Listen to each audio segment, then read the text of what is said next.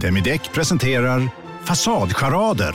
Dörrklockan. Du ska gå in där. Polis? Effektar? Nej, nej, tennis tror jag. Pingvin. Alltså jag fattar inte att ni inte ser. Va? Nymålat. Men det var många år sedan vi målade.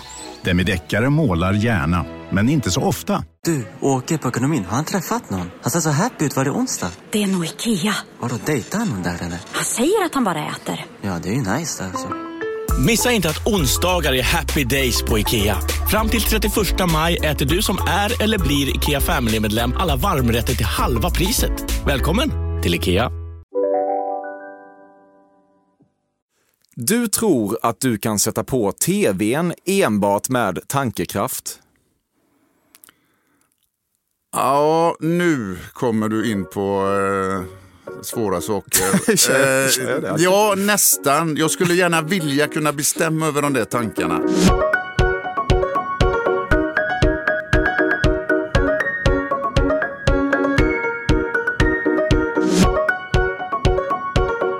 Du lyssnar på säsongsfinalen av Fördomspodden. Podcasten där jag utsätter kända svenskar för alla mina fördomar om dem och som återfinns på Podme, en plattform för exklusiva och reklamfria podcaster och där första prenumerationsmånaden är gratis. Jag heter Emil Persson, men desto mäktigare är det ju att heta Glenn Strömberg, vilket dagens gäst lyckligtvis gör. Det är sällan sportpersoner slinker in i podden, men nu tycker jag bevisligen att det är dags igen. Glenn är född på Hisingen i Göteborg och proffskarriären är ett slags trestegsraket bestående av IFK Göteborg, Benfica och Atalanta, där framförallt den sistnämnda klubben väl är den han alltjämt förknippas med. Inte minst för att Glenn fortfarande bor kvar i Bergamo. Efter karriären sadlade han om till expertkommentator. Han hörs framförallt på Viasats kanaler, men vid mästerskap även på SVT. Och precis som många Italienkopplade svenskar kränger han lite balsamvinäger och sådär. Glenn är gift med Simona, har tre döttrar och ärligt talat ett oklart antal barnbarn.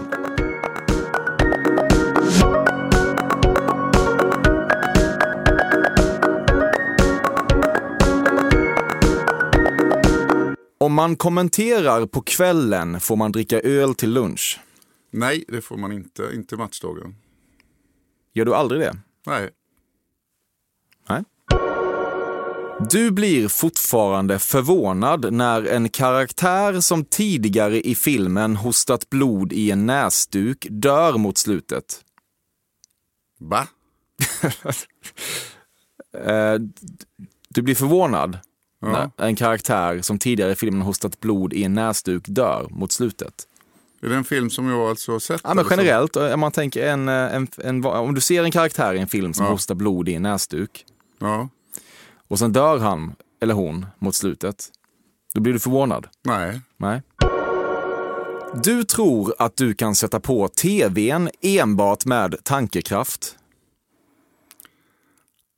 Ja, nu kommer du in på eh, svåra saker. Det. Eh, ja, nästan. Jag skulle gärna vilja kunna bestämma över de där tankarna. Men eh, jag har alltså varit med om så många knepiga situationer och eh, jag har eh, alltid problem med tvn på hotellrummen. Eh, ofta fungerar de inte eller så går de inte på eller så rör de sig inte med fjärrkontrollen. Och det hör ihop med att eh, min familj tror ju väldigt mycket på det här till slut. De trodde ju att jag var helt knäpp i huvudet de första tio åren. Men eh, vi hade till exempel en tv hemma som eh, jag gick förbi och den stängdes av då och då så jag kunde inte bestämma själv när den stängdes av och stängdes på. Men den gick av och på. Och den lämnades in ett flertal gånger men eh, hittade inget fel på den. Och fick tillbaks den och det fortsatte vara samma sak. Och till slut fick jag en ny tv av dem och där gick det bra. Jag har varit på eh, handlat. Och jag kommer ihåg en eh, episod till exempel eh, mitt minsta barn då hon var en 3-4 år och vi kom fram till en kassa och skulle betala och betala med kort. Och så hade det hänt förut när hon var med när hon var lite ett år yngre. Och det stoppar hela den kassan, det blir stopp med kreditkorten, det stoppar någon kassa in till också. Och eh, då kommer jag ihåg att när du gjorde det här andra gången då får man alltså gå en lång väg, en kö bort till en information och så betala där, gå tillbaks med ett kvitto. Det är väldigt konstigt och struligt. Och då kommer jag ihåg att eh, den lilla ungen Julia då, hon sa här, pappa kan du inte betala med cash nu nästa gång då, så vi slipper stå här. Så de har upplevt den där situationen. Jag Du menar förbi... att du, du kortsluter alltså? Ja, jag har gått förbi eh, parkeringshus eh, och bommen åker upp liksom när jag har gått förbi. Eh, ja, det låter helt knäppt, men, eh, men så är det. Ja. Så om någonting strular med den här inspelningen så är det fan ditt fel? Ja, det, det, jag blir inte förvånad. Nej. När en journalist flyger ner till Italien för att träffa dig och göra ett reportage om hur älskad du alltjämt är i Bergamo, vet du exakt vilka tavernor du ska skenbart planlöst strolla förbi för att känslan av just hur älskad du är i Bergamo ska bli så fullödig som möjligt? Ja, inte riktigt. Eh, Det hör väl ihop lite grann med att eh, jag inte är så där jättemycket hemma hela tiden och inte träffar de här restaurangägarna lika mycket som jag gjorde när jag var där jämt så att säga. Rest otroligt mycket de senaste 15-20 åren ju. Men eh, samtidigt så är det de vanliga ställen uppe, uppe i Gamla stan som man går förbi och där kan jag gå in på en 7, 8, 10 olika, det spelar ingen roll. Det är några man känner till kanske lite mer som man gärna går in och, och träffar då när man ändå är där uppe och går med dem. Men eh, jag tänker det måste vara en jobbig känsla ändå, för man ser sådana där reportage ibland. Nu ska du gå ut på stan, du har ett filmteam med dig. De vill ju att folk ska komma fram och vara imponerade. ja, men det, det gör de ju i Bergamo ändå. Ibland sitter du och tänker på din basilikaodling när Erik Niva pratar. Ja, kanske inte just basilikan och det. Det har frugan lite bättre koll på. Jag har ju mer på eh, med peperoncino, chilipepparn då. Du sitter brett isär med benen på toa, vilket gör att kalsongerna sprängs som en gummisnodd mellan anklarna. Mm, ja, det där är väl kanske till och med oftast att i lugn och ro så tar man till och med av sig kalsongerna. Då sitter man ändå bredare och lugnare tycker jag. Njutning. Ja. Du bidrar till svenska charterpappors mytbildning av ölet Mytos när du är på semester i Grekland. Du älskar att ta ordet Mytos i din mun. Plötsligt föreslår du inte längre att det ska drickas öl, utan du föreslår att det ska drickas Mytos. Nej, det stämmer nog inte riktigt. Eh, jag är, om vi nu går in på det med ölfrågan så gillar jag, det är ju kanske den drycken som jag gillar bäst här i världen, ihop med vatten då. Jag är inte så mycket för läskedrycker och sånt där, men öl och vatten det är väl det bästa. Och ölen däremot så är jag ganska irriterad på mig själv för öl har ju då blivit det heter ju inte öl egentligen, liksom, utan eh, det finns ju mängder av olika öl så det borde egentligen betraktas som vin idag, tycker de stora, eller ja, små bryggerierna, för alla mikrobryggerier som gör det här. Och de ligger väldigt mycket i det, för det finns en otrolig skillnad på öl i världen idag. Detta handlar egentligen mer om att du tar ölseden dit du kommer. Så när du är eh, i. Thailand så vill du dricka en singa och så vidare. Det är helt riktigt. Du bidrar till romantiserandet av matsalspersonalen på fotbollslags träningsanläggningar och har faktiskt gått på en begravning för en före detta träningsanläggningsmatsalskvinna. Och då satt du i bänkraden och tänkte, hoppas nu hon får fortsätta göra det hon älskar, laga mat i himlen. Ja, det har jag väl inte gjort i och för sig, men jag skulle mycket väl kunna vara en person som eh, gör det. Du har haft sex på en vespa. Nej, det har jag aldrig haft. Varför inte? Ja, det fanns ju inga vesper i Sverige på den tiden när jag var liten. Och sen på Men gamla du var i Italien man. Ja, men då på gamla dagar när man väl började spela kunde man inte hålla på sex på en vespa. Liksom. Det kan man väl? Inte. Nej, det gick inte att spela fotboll och göra det, det kan jag lova dig. eh, och framförallt inte i Bergamo, där visste de dagen efter var jag hade ätit någonstans, var jag hade varit någonstans, om jag hade varit någonstans efter ett. Så att, eh, Mm. Du älskar där? ja, det, de har adopterat mig i den där stan. Du citerar gärna människor och kommer ofta på halvvägs genom citatet att du inte minns det ordagrant, men det spelar inte så stor roll. Det är ett ruskigt, ruskigt relevant citat ändå.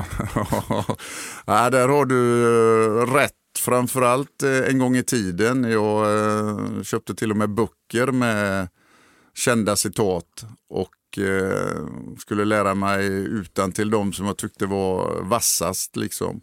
Och eh, det var väl så att man eh, blev äldre eh, lärde sig den inte riktigt. Så ofta blev det så på det viset att man förstod innebörden i den men man fick det inte alltid riktigt rätt när man väl skulle säga det. Och det retade mig alltid så nu har jag nästan börjat lägga av med det. Nu söker jag inte mig på det längre tyvärr. Nej. Vilket är ditt eh, favoritcitat? Nej, jag vet inte längre liksom för jag har, jag har släppt det där. Jag vet väl att, eh, ja nu kommer jag inte på det heller, du vet eh, Desperate measures uh, needs desperate... Uh, desperate times calls for desperate, measures. measures. Ja, den gillar jag ju verkligen för det, det stämmer ju.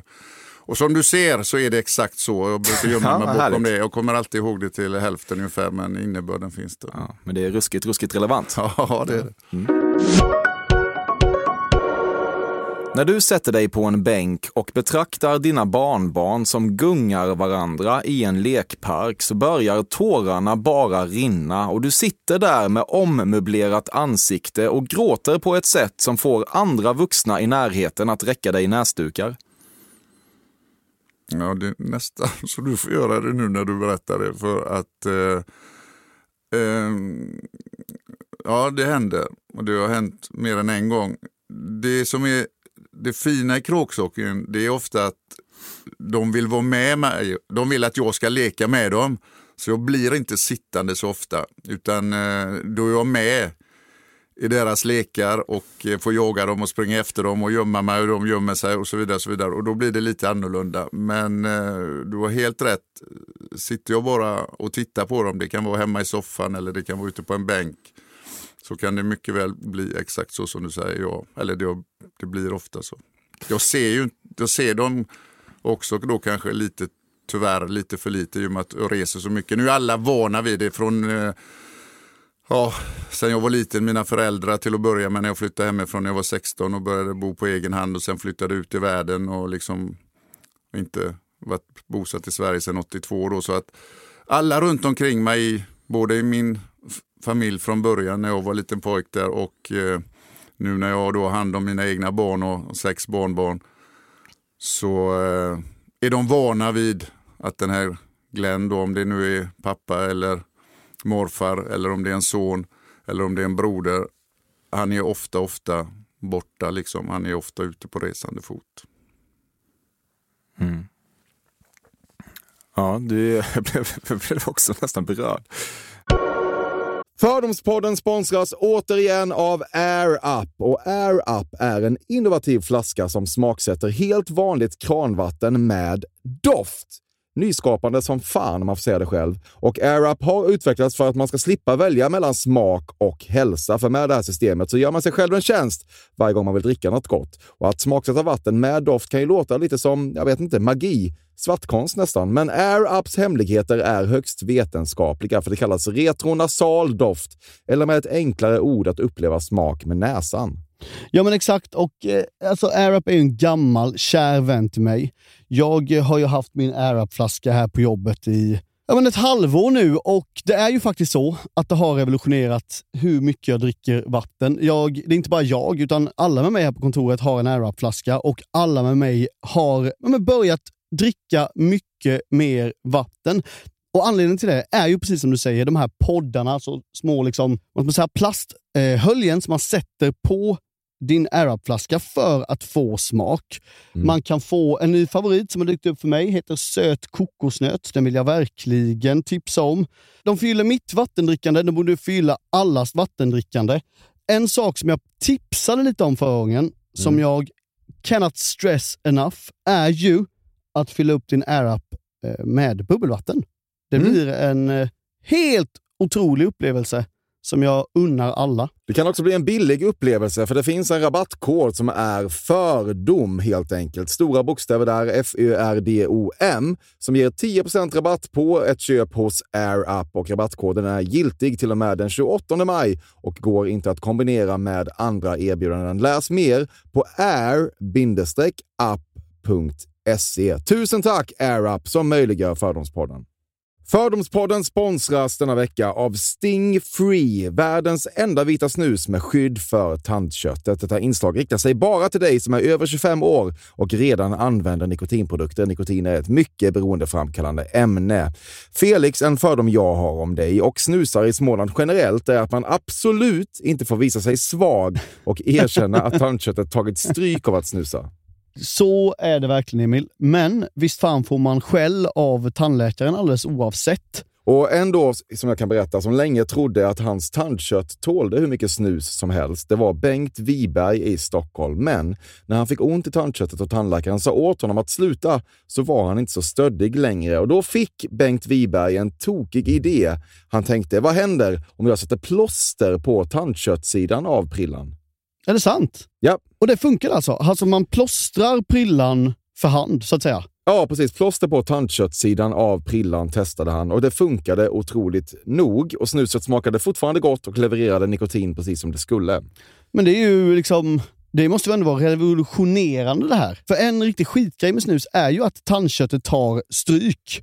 Eh, och det här låter ju ändå som en, någon slags produkt som är, blir lika självklar som typ ja, men bilbältet eller en cykelhjälm eller vad som helst. Ja, precis.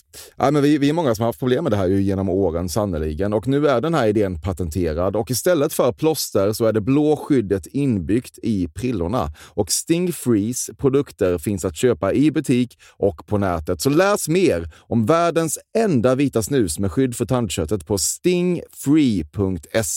Tack Sting Free! Och tack Bengt Wiberg! Verkligen. Fördomspodden sponsras av Bastard Burgers som är den norrländska burgarkedjan som ju finns över hela landet plus i Oslo, i Helsingfors och New York och de serverar svenskt nötkött och har en stor vegansk meny. Och vi ska prata lite mer om det här eh, signaturburgarkonceptet för 2024 som går ut på att det varannan månad presenteras två nygamla signaturburgare som gör efterlängtad comeback på Bastard Burgers och det heter ju Hall of Fame. Ja men det ska vi verkligen, men innan vi ska dit så skulle jag vilja lyfta en sak Emil. Nu kommer sommaren, nu kommer after work-tiden. Man känner hur det spritter i benen. Mm. Ta den after work med Bastard Burgers, för vet du, förutom liksom den härliga ambiansen så har de ju spicy nuggets på menyn. Vi pratade om detta förra veckan. De har ju haft chicken nuggets på menyn ett tag, men nu finns det alltså spicy nuggets. De har tagit det till en nivå till. Det skulle jag verkligen vilja tipsa om nu när sommaren kommer. Att öl eller någon annan slags beverage och spicy nuggets, där har du en AV i min smak. Mm.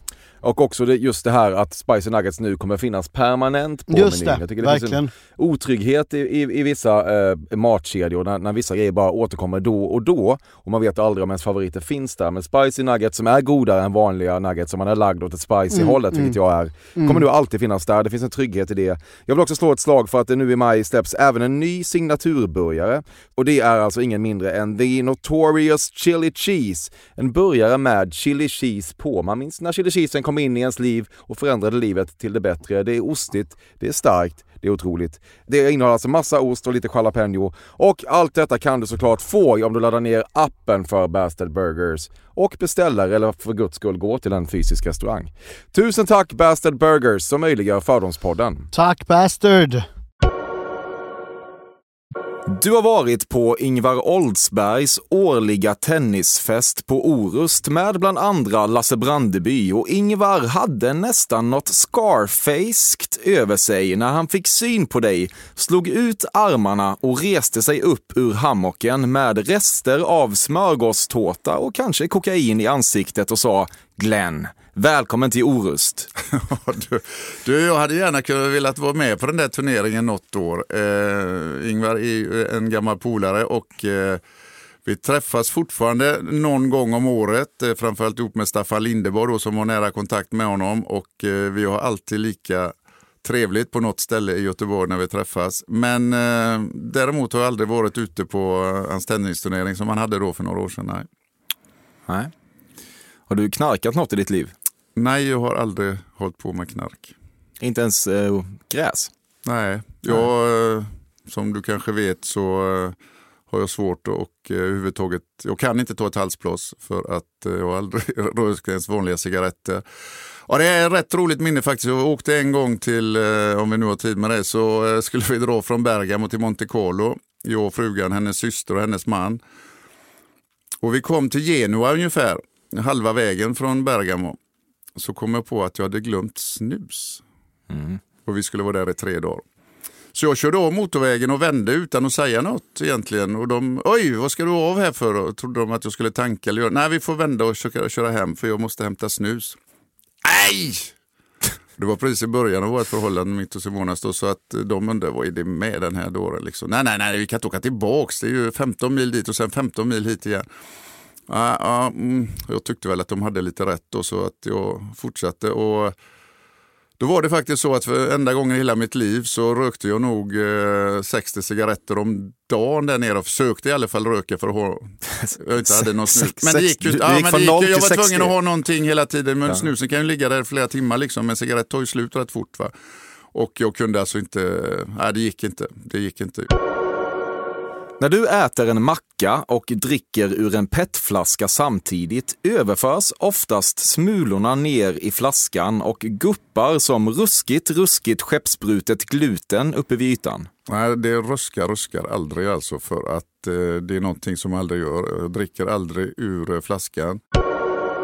Du har svårt att köpa Hasse Aros påstående om att han blivit jagad av ett gäng blodiglar som ålade så snabbt att om han inte sprungit så hade de hunnit ikapp honom. Om man hade blivit förvånad? Ja, du har svårt att tro på det. Ja, det har jag verkligen svårt att tro på. Ja. Däremot har jag blivit jagad av blodiglar. Okej. Eh, Det är sant, jag har blivit jagad och- så jag var tvungen att springa för blo- blodiglarna jagade mig. Han påstår ju det. Ja, Okej. Då kanske det stämmer. Ja, du ändrar dig. nej, jag, nej, det kanske stämmer. Jag tror inte på det. Nej, nej, nej. Det är ungefär lika sannolikt som att du kan styra elektronik. Ja, förmodligen. När du upplevde din första fontänorgasm utbrast du “herre jävlar”. Ja, varför inte? Det kanske jag kan ha gjort. Ja. Det var så länge sedan. Ja, det förstår jag. Du har förutsättningslöst ställt några frågor till Anders Limpar om hur hans hårtransplantation funkar om olyckan någonsin skulle vara framme för dig.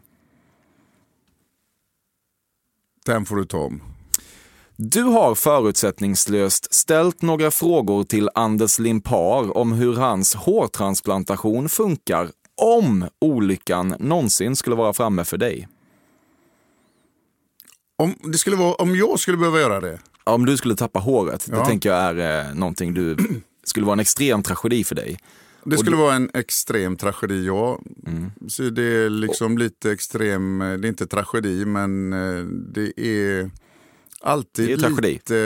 Nej, det är ingen tragedi. Jo, ska tappa håret, ja, det Ja. är det ju. Men eh, när jag skulle klippa mig nu tänkte jag säga då, då är det ändå alltid lite åt... Eh, Ja, det är lite åt det bistra hållet. Det är ingen rolig dag när jag ska gå och klippa mig. Och sen eh, har jag klippt mig kort då en tre, fyra gånger under mitt liv sedan jag var 15 år kanske. Varför är det en bister dag?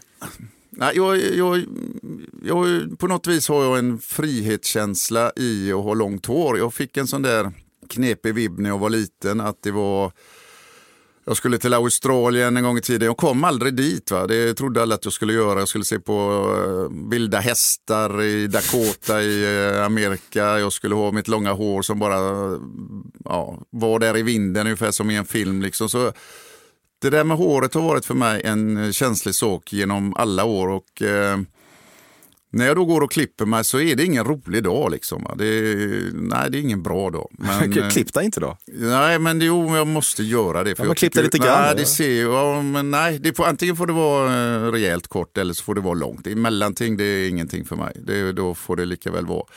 Så ehm, jag kommer ihåg, för, jag lovar dig, eh, det, var, det var en, eh, en stenhård sak alltså. En, en av de tuffaste beslut jag tagit i hela mitt liv. Alltså, det var, mm, jag våndades i månader när jag klippte mig för första gången rejält på en 20 år. Jag spelade med så långt hår i eh, Serie A nere i Italien så att eh, ja, det, det är klart och tydligt. Alltså, jag, jag nickade dåligt förutan att jag hade långt hår men jag såg inte alltid bollen. Det, var, hade hår i vägen överallt. Det, det var inget bra, man fick inte spela med hårband på den tiden heller riktigt. Man skulle inte se ut på det viset. Man kunde kanske ha gel i håret, det kunde ju ha de sista åren. Men det, det, var, det var inte bra, liksom. det var inte det förutsättningar perfekt att ha det där långa håret som jag hade. För det, det var liksom överallt i ansiktet hela tiden. Och när jag då valde, jag kan ha varit 40 eller något sånt där, alltså fem sex år efter jag hade slutat. Och det var det första gången på i alla fall 20 år, 25 år, som jag klippte det riktigt kort. Och jag kommer ihåg fortfarande när jag tittade på golvet runt omkring. Alltså, det låg så mycket hår. Ja, det var så långt håret innan jag klippte det. Och det, ja, det låg överallt. Alltså, han började ta ihop det här med borsten och han sa herregud Glenn vad det var mycket. Ja, du har så tjockt hår också. Ja, jag vet. Så, och jag tittade och tittade på alla de här. Och han var så rolig för han gjorde en fläta till mig som jag skulle då få behålla.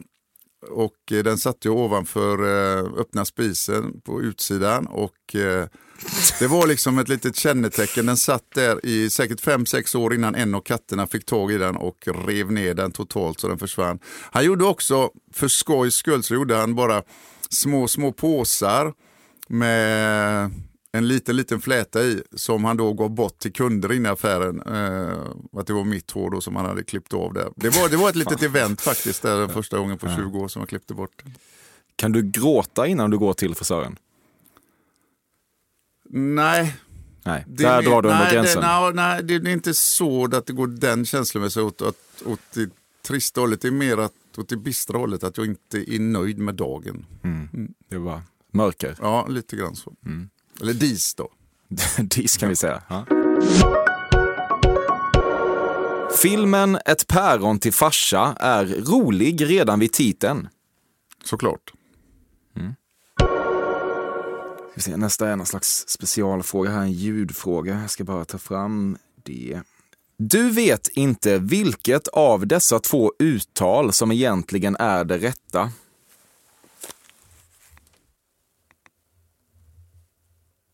Jag säger att det inte fungerar är här. Nej, det gör vänta, vänta då en sekund ska vi lösa det här. Du fick du rätt bara för det.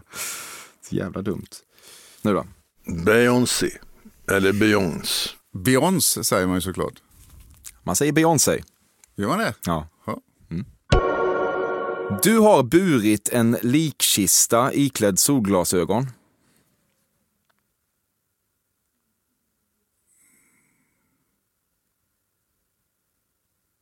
Ja, det var en känslig fråga, för har jag gjort det och inte kommer ihåg det så är det ju inte bra. Nej, jag tror inte det. Det kan ha hänt, men jag vet när... Nej, jag tror inte det. Okej, okay, men har du burit en likkista alltså? Nej, jag tror inte jag har gjort det. Nej, jag tror inte jag har gjort det. Nej.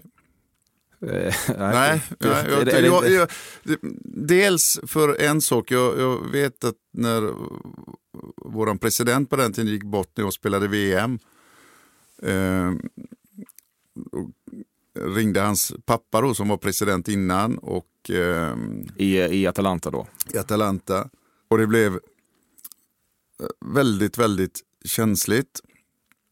Han körde ihjäl sig mot sin egna, på sin egna mur till sitt egna stora hus de hade strax utanför Bergamo. Och det var efter vi hade mött Brasilien i öppningsmatchen. Och eh, jag fick då tillstånd att, att eh, vara ledig ändå och åka dit. Och träffar eh, pappan då. Och han är ju helt förstörd. Han hade en son innan som hade gått bort.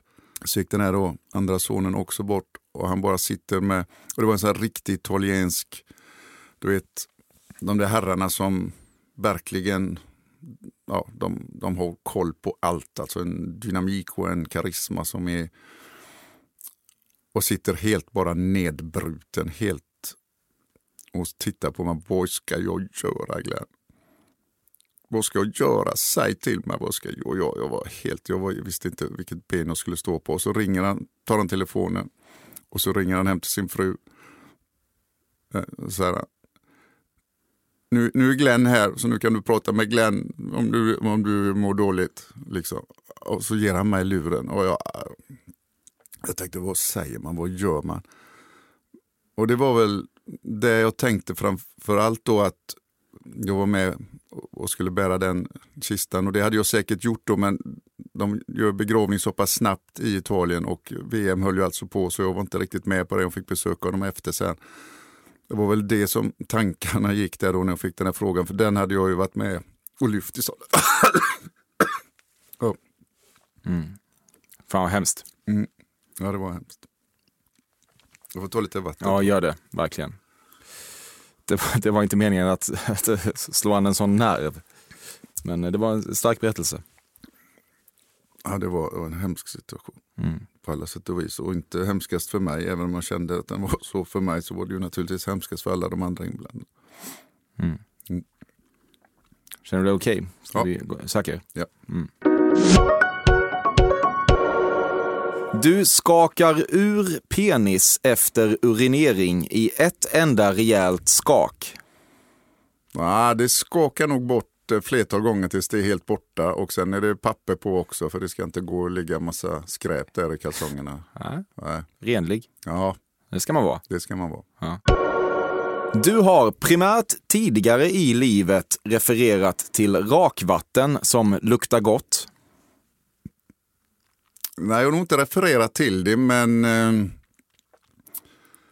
eh, jag gillar att ha lite råkvatten. Jag gillar att ha, jag är inte mycket för parfym och sånt i och för sig, men en liten touch tycker jag alltid är så gott att ha i ansiktet. Det har du helt rätt i. Och eh, framförallt så ska man inte säga vad det men eh, det var på gång. Den jag använt då i 20 år, den var på väg att gå ur kommersen för ett tiotal år sedan, ett 15 år sedan. Men då blev vi ett gäng som eh, klagade riktigt rejält på det där och den återsattes i skick igen. Och nu är den, var den ganska svår att hitta de senaste månaderna här och det kan väl bero på coviden också och allting annat som har varit lite struligt runt om i världen. Men eh, nu hittar jag den här igen så att just den, det är rakvattnet. Vad är det för jävla rakvatten? Uh, det är Guerlain heter det och uh, märket och det heter Habit Rouge. Och det är Gillar som, du? Ja, nu köpte Sjukt jag jävla. tre då. Det fanns tre nu sist på ett ställe som jag hittade och då köpte jag alla tre de hade kvar. Mm. Jag har till och med försökt köpa på något ställe där det var halva flaskan var använd för den var ju sån där som man fick prova då. Och då hade de inte någon att köpa, men då sa jag, då köper jag den för vanligt pris, liksom en full flaska bara och får med mig den halva. Men det fick man inte köpa då för det fanns ju ingen märkning på den tydligen. Så att... Du borde köpa en eh, dunk. Ja. En cistern. Men det gjorde jag ju nu, jag köpte ju tre nu. Så Ja, det är bra. Jag, jag håller ett tag. Bara på Storytel. En natt i maj 1973 blir en kvinna brutalt mördad på en mörk gångväg. Lyssna på första delen i min nya ljudserie. Hennes sista steg av mig, Denise Rubberg. Inspirerad av verkliga händelser. Bara på Storytel. Välkommen till Momang, ett nytt smidigare kasino från Svenska Spel, Sport och Casino där du enkelt kan spela hur lite du vill. Idag har vi Gonzo från spelet Gonzos Quest här som ska berätta hur smidigt det är. Sí, es muy excelente y muy rápido. Tack Gonzo. Momang, för dig över 18 år. Stödlinjen.se. Nej. Dåliga vibrationer är att gå utan byxor till jobbet. Bra vibrationer är när du inser att mobilen är i bröstfickan. Få bra vibrationer med Vimla.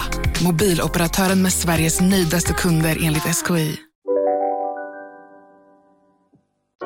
Du gillar att tilltala äldre kvinnor som tant, exempelvis “jag ska gå och handla, vill tant ha något från butiken?” Nej, jag säger det nog aldrig till någon tant. Däremot så använder jag ordet tant ofta när jag pratar om eh, tanter eller om lite äldre människor kanske. Och den tanten är väl, om det är liksom lite Göteborgsstort sådär. Men jag säger det nog aldrig till dem faktiskt. Du säger inte tant till nej, tant? Nej, nej. Nej. Du har ätit hajfenssoppa. Det har jag säkert gjort. Så många sponssnusförfrågningar, så lite tid. Ja, eh, sponsförfrågningar finns ju inte när det gäller snus för man får inte ha sponsra snus liksom. Så att eh, det är aldrig några förfrågningar om det. Däremot så ser jag ju att eh, på något vis kan man vara det. Jo, det är jag. Stolthet över att jag är associerad, förmodligen, eh, det har varit några gånger i några enkäter som att den som är mest associerad med snus i Sverige det är Glenn Strömberg. Och det tycker jag ändå är rätt vasst. Jag, jag, jag gillar på något vis. Det, jag brukar säga det, det, det är min bästa kompis eh, helt enkelt. Eh, Jag, som jag sagt till dig, jag har missat att ha med mig det en gång under hela mitt liv. Det var till Monte Carlo en gång när vi åkte på en semesterresa. Jag och frugan och skulle träffa ett av barnen som höll i ett resort. Eh, Höll i ett resort? Ja, i Egypten. Han var, vad heter det, platsledare, hennes man, eller vad heter det, platschef. Okej. Mm. Mm. Och eh, kommer ner dit och eh, äter middag första kvällen och så, oj, aj, jag glömde snusen, jag får gå upp på rummet och hämta det. Och på vägen upp för trapporna så började jag tänka så här, var la jag det någonstans? Mm, jo, jag måste ha lagt det där. Nej, det la jag inte ner någonting. Och fick en sån där oroskänsla i magen på vägen upp för trapporna. Var, var la jag den? Ingen- Jag kan inte ha lagt den i hennes... Nej, den... Och mycket riktigt glömt det. Och eh, då var det tur att de sociala medierna finns och det var ju rätt ut på nätet och frågan, ni måste ju varit med om detta någon gång, ni måste ju ha varit någon, någon... Och då var det så att efter fyra, fem dagar så var det folk som hade med sig ner, men de första tre, fyra dagarna då fick jag mängder av tips. Jag var och köpte eh, gammal rom eh, och så skulle man ta en tepåse och hälla ut teet. Eh, eh, Du började det var- brygga eget snus. Ja, det var alltså tobak då som man köpte cigarrer och la i den här tepåsen och så skulle man lägga det lite i blöt och så fick man vira det och så lägga under så man kände att det var för någonstans så lovade så är det mer sådär, det blir långt mycket om snus nu. Det var det att eh, jag har någonting under läppen. Det är bättre det än eh, om man säger nu att det är nikotin i det liksom, va, så är det viktigare för mig att ha någonting som är utan nikotin, bara jag har något under läppen. Så att eh, det ger mig någon sorts trygghetskänsla. Jag kan eh, möta tusen, hundratusen personer. Men gärna då om jag har lagt in en snus innan, då är det inga problem. Då kan jag stå och prata med hur många som helst och, om vad som helst i princip. Har jag inte den inne så är det Då är du inte dig lika, själv. det är inte lika lätt. Nej. Så fort du och din fru checkat in på en weekendresa byter du omedelbart om till morgonrock. Och det optimala är sen om du får gå med ett konstant rabarbersvaj som kikar ut genom den frottéiga lilla skrevglipan i 72 timmar. Nej, så blir det inte. Men du har rätt roligt ihop med den morgonrocken. För de retar ju mig för min morgonrock. Jag älskar ju att gå i morgonrock på morgonen. Jag tycker det är, ja, det, är det skönaste som finns. Va? Det kan vara lite kallt på morgonen. Det kan vara lite så. Man vill, kanske ta på, ja, och man vill inte ta på sig massa grejer innan man gjort sig färdig då med rakvattnet eller borstat tänder och allt sådär. Men ändå vill man ha lite varmt på sig. Man, man, ja, man borstar tänderna så kan man gå ner och käka frukost. Så det kan vara lite kyligare där nere. Eller om man är på ett hotell så kan det vara lite kyligare i något rum. Så, där. så att de kallar ju mig morgonrocken i princip. Eh, barnen och frugan också. För de tycker alltid jag går omkring i, i morgonrock. Och det gör jag ju inte. Va? Men jag gör det på morgonen och jag gör det ofta på, på kvällen. De kallar dig för morgonrocken? Ja, inte riktigt. Men de skrattar alltid när de ser en bild på mig med morgonrocken på till exempel. Och så vidare. Om man ska göra något snabbt på morgonen. Om de ska ha någon bild vad jag har gjort till frukosten. för då tycker den... Vänta. Mm. Hostig? Ja. Du har inte orkat rösta i ett riksdagsval på 30 år. Det stämmer bra. Du slår i stortån i bordsben oftare än vad som förefaller rimligt. Ja, det är också en eh, sak som ungarna och frugan älskar att poängtera. De tycker alltid att jag går på saker och ting och jag tycker inte det är mitt fel. Och säger, nu säger du med fötterna, det är inte så jättevanligt, men däremot med huvudet. Och eh, vi åkte husbil några år. Men då vet jag en husbil, va? de där fönstren som ska upp och allt det där, det är alltså inte rätt höjd på dem. Va? Det är alltså att man ser dem inte och jag går ju alltid rätt in i dem. Så de kallar mig som en sån där vandrande olycka i princip som går in och slår. De kallar dig både morgonrocken Ja, men jag och är ju vandrande lite olycka. för lång för deras grejer också. De sätter grejerna för lågt. Va? De sätter eh, spikar och tavlor och grejer och allt lite lägre. Du blir stressad av vad man inom vissa kulturer kallar för nannbrödsförskjutningen. Alltså när nannbrödet inte kommer in förrän först flera minuter efter att man fått in sin indiska varmrätt. För du vill inte missa någon tid att doppa det i den goda såsen. Ja, inte just namnbrödet kanske, men bröd överhuvudtaget. Blir ruskigt irriterad om inte det kommer in direkt. Det ska komma in klart, klart tidigare ihop med drycken. Absolut. Och kanske till och med innan. Det får inte komma ihop med maten och framförallt inte precis innan maten utan det ska vara en bra tid innan. Och har man inte bröd på bordet på en restaurang som bara ska komma direkt när man kommer in så är det en restaurang som jag inte besöker igen. Om jag inte kan säga till honom att eh, nästa gång och jag vet att jag kommer att gå dit innan eller igen och de är trevliga och ställen och äh. Men då får jag berätta för dem. För finns det inte bröd där direkt, kvickt, snabbt, då, då är det ingen restaurang. Alltså. Nej, bra. Men nannbrödsförskjutningen är inget du har Nej, direkt inte just det Du är ingen kanske, nej. indisk matätare Nej. kanske? Nej, nej. Just det. Du tänker snuskiga tankar när du sätter fingrarna i ett bowlingklot. Nej, det gör jag inte. Jag försöker verkligen hitta en restaurang. Du vet väl, jag vill vinna i allting jag håller på och gör. Så jag tänker eh, väldigt mycket hur jag ska få ner alla de där så att det blir en strike. Ja. Mm. Du säger cowboy om cowboy utan uppenbar anledning. Ja, cowboy säger jag väl. Ja, det är bra. Nej, ja, jag säger nog rätt där. Ja, bra. Mm.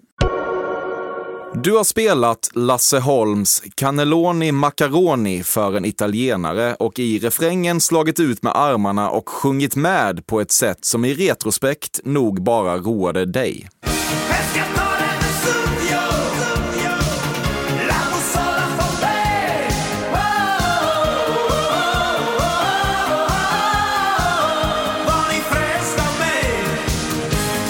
Ja, det, det, det har jag nog inte gjort, eller ja, det har jag inte gjort, men eh, det hade jag nog säkert kunnat göra. Eh, när jag hamnar i den här situationen när jag tycker att det är, nu är jag ju så otroligt omusikalisk, det är någonting jag hatar i min personlighet, för jag hade gärna velat vara det. Jag är den där klassiska typen som gärna hade varit den där killen med det långa håret som har suttit och spelat gitarr och grillat korv på stranden. Man har dratt bara några, inte kunna för mycket, bara lite lite så man kunde få med en liten allsång hit och dit. Va? Och så jag gick faktiskt en kurs hos en eh, kompis efter jag hade lagt av. Jag fick en gitarr då i, när jag fyllde år, precis efter jag hade lagt av när jag var 32 år. Ja, det var till och med så att han sa efter en 7-8 lektioner att Glenn, ah, släpp det där då. För jag var så otroligt värdelös. Jag fick inte ihop det helt enkelt. Alltså. Ja, det hade ju gått om man hade fortsatt men det hade tagit lång tid och det hade varit slitsamt tydligen. Så att, eh, ja, det är någonting som jag gärna hade velat kunna göra.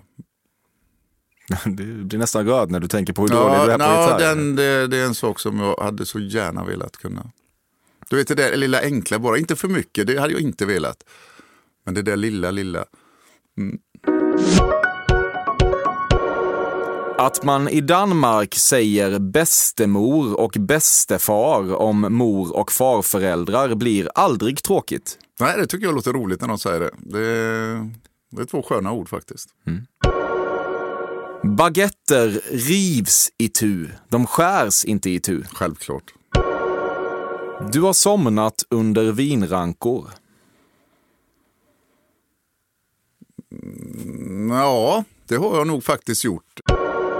Du kan bli stående i timmar framför gatukonstnärerna som målar karikatyrer på solsemester. Nej, inte en sekund. Jag glider rätt förbi. Okej. Gillar du inte dem? Jo, jag har absolut ingenting emot dem, men eh, jag slänger en glans liksom. Jag, jag, jag tittar på dem och så ser jag, oj vad duktiga de är, för de sitter ju ändå bara här på gatan liksom och eh, säljer sina grejer rätt billigt och gör fantastiska porträtt, eller porträtt som ser jättefina ut. Jag som då inte kan konst förmodligen så är det kanske därför de ser jättebra ut, men det vet jag inte. Eller så är de jätteduktiga. Jag har ingen aning egentligen, men eh, det är inte så att jag stannar till. Nej. Nej. Du har använt bläck i pennan som ett uttryck för manlig fertilitet. Nej du. Du har aldrig sagt det? Nej. Ja, han har bläck i pennan. Nej du. Oj, fan vilken första gången jag hörde nästan. Ja. Ja. Men jag har varit, eh, bott utomlands Du i gillade inte 40 det år. alls, märkte jag. Det var inget bra uttryck. Nej, det Nej. tycker jag låter lite Vulgärt nästan. Ja, kanske faktiskt. Du och den före detta SVT-kommentatorn Staffan Lindeborg la så mycket energi på att bli uppgraderade på flyg att man nästan skulle kunna tro att ni tävlade mot en osynlig fiende. Ja, det, det är helt riktigt. Eh, men det var inte jag, utan det var eh, Staffan. Det är alltså världens bästa uppgraderare. Det finns ingen i hela världen som är bättre på att gradera upp sig. Och hitta folk som ser till att de gör det. Hitta in i lounge. Jag kommer ihåg att vi hittade det var bara en lounge tror jag. Vi var inte tillåtna i någon lounge under ett flertal mästerskap när vi flög. Men vi visade den där Uefa-brickan som man hade på att man hade tillstånd och eh, var på matcherna. Den skulle funka också till loungen tyckte Staffan. Och det gjorde den ju inte. Men eh, med en påtaglig eh, säga, kunskap och eh, dedikation så står Staffan och säger jaha, överordnad tack. Ta hit chefen. Och du vet, är du på ställen, Kina eller om det är sådana där ställen, de vill inte gärna ta tag i chefen. Va? Han kan ju sitta och göra någonting, dricka te och vill inte bli störd av en sån bagatell. Liksom, va? Nej, inte av Staffan Nej, man får inte, nej, kanske inte av Staffan heller. Så han lyckades faktiskt alltid med det. Men där är inte jag så boven i dramat, eller den duktiga i dramat, utan det är Staffan som är fantastiskt bra på det. Det gälla skriket som blivit del av din kommentatorspalett först i relativt modern tid kom spontant de första gångerna, men nu är det något du packar ner i hölstret redan på flyget eftersom det ju inte undgått dig att folk älskar skiten. Bollen kommer inte lokalt! Nej, det är väl lite kanske både och, men ja, det är väl som du säger att det är väl fler som tycker om. Nej, det gör jag faktiskt aldrig. Jag paketerar aldrig in det.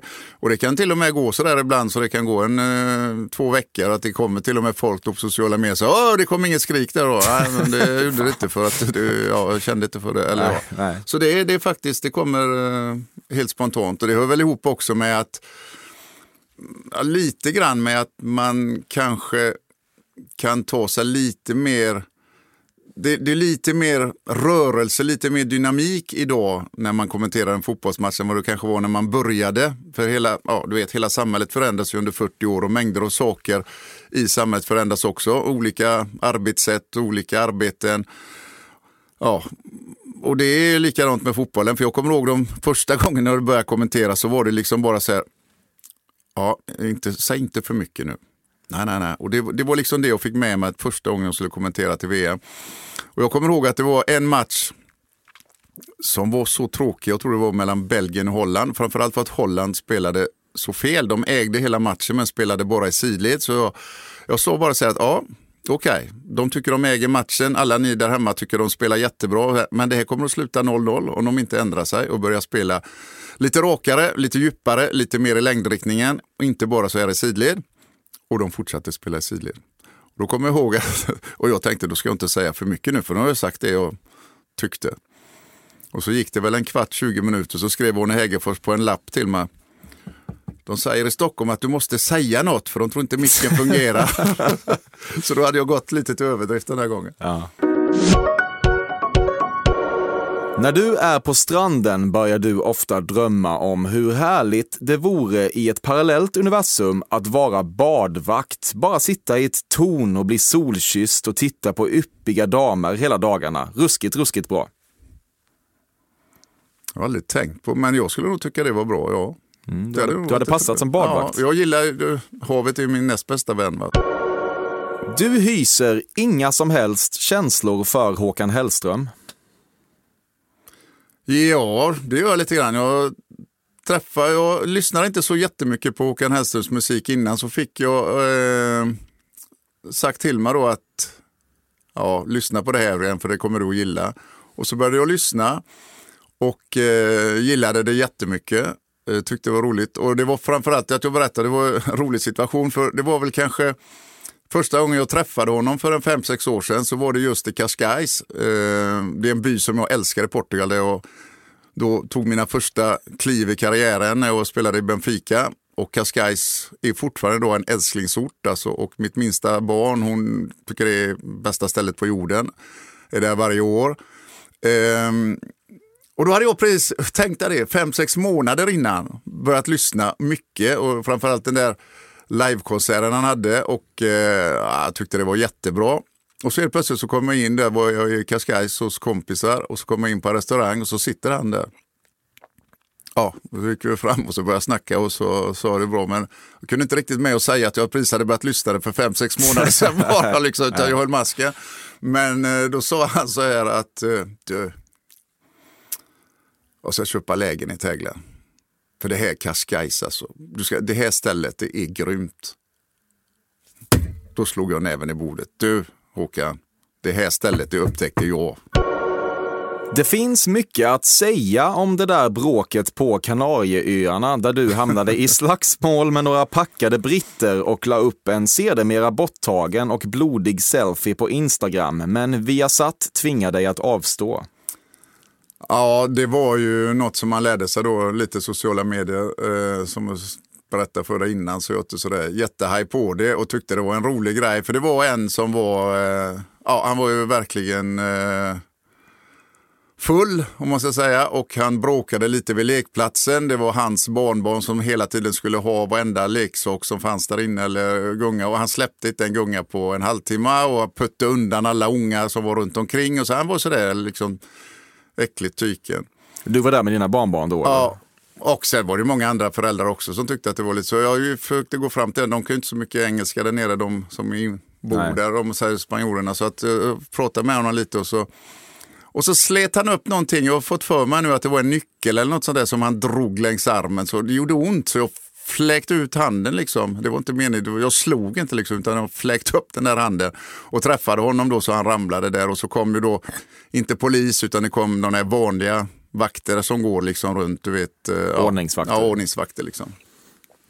Och då kom hans son också och sonen höll med mig till och med och sa ja, var lugn, det är lugnt och fint och så tog de bort honom där. då. Och då tyckte jag det var en rolig bild att lägga i och med att jag hade fått skrapsår här på armen och så Ja, och så blev det ju en väldig uppståndelse. Det var ju precis som hade varit i världens rallarslagsmål någonstans. Liksom. va. Så att, eh, ja. Ändå bra att historien kommer ut, för bilden han har fått av det här är ju snarare att det var någon slags krogslagsmål, men då tog du ju Ja, dina, bara dina barnbarns parti så att säga. ja, i hela lekparkens lite grann där. En gång tappade du en kökskniv så den satte sig i din fot. Nej. Nej. Men jag, jag tappade en kniv som gled iväg längs, så att det, längs foten. Så att eh, ja, det blev lite blod så att säga. Men den är inte så att den satt där i och det var ingen större fara. Men jag tappade den. Och, hur visste du om det förresten? Eller du bara chansade? ja, du känns som en människa som tappar knivar som de sätter sig rakt upp i din fot. Ja, men jag vet mycket Glenn. Ja. Ja. Du orkar inte alltid ta ut allt ditt rinniga snus när du ska utdela oralsex och det är först efteråt du ser vilken ruskig, ruskig scen du de facto ställt till med. Nej du, den är alltid uttagen i sådana fall. Är det så? Ja. ja. Ja, Glenn Strömberg. Det var hela intervjun. Ja, då är vi där. Hur mår du? Jag mår bra. Det var långt. Det var lite långt var det kanske. Lite nerklippt, lite kortare för lyssnarna Ja, så att de orkar med såklart. oss. Jag försöker ju då här ge sken om att jag redan har listat ut vem du är, som du märker. Mm. Hur pass eh, genomskådad känner du dig? Nej, sådär. Lite, lite saker som, eh, ja, som blir överraskad om att du eventuellt kände till, som du kanske inte ens kände till, du bara anade det tydligen. Ja, jag har också, ja, jag har också ett sjätte sinne. och vissa saker som jag såg att du visste om, men eh, ja, det var inget direkt överraskande sådär. Nej. Tre getingar kan vi ge mig. Det ger vi där. Det var skitkul att du kom hit, Mm. tycker jag. Ha det bra. Det är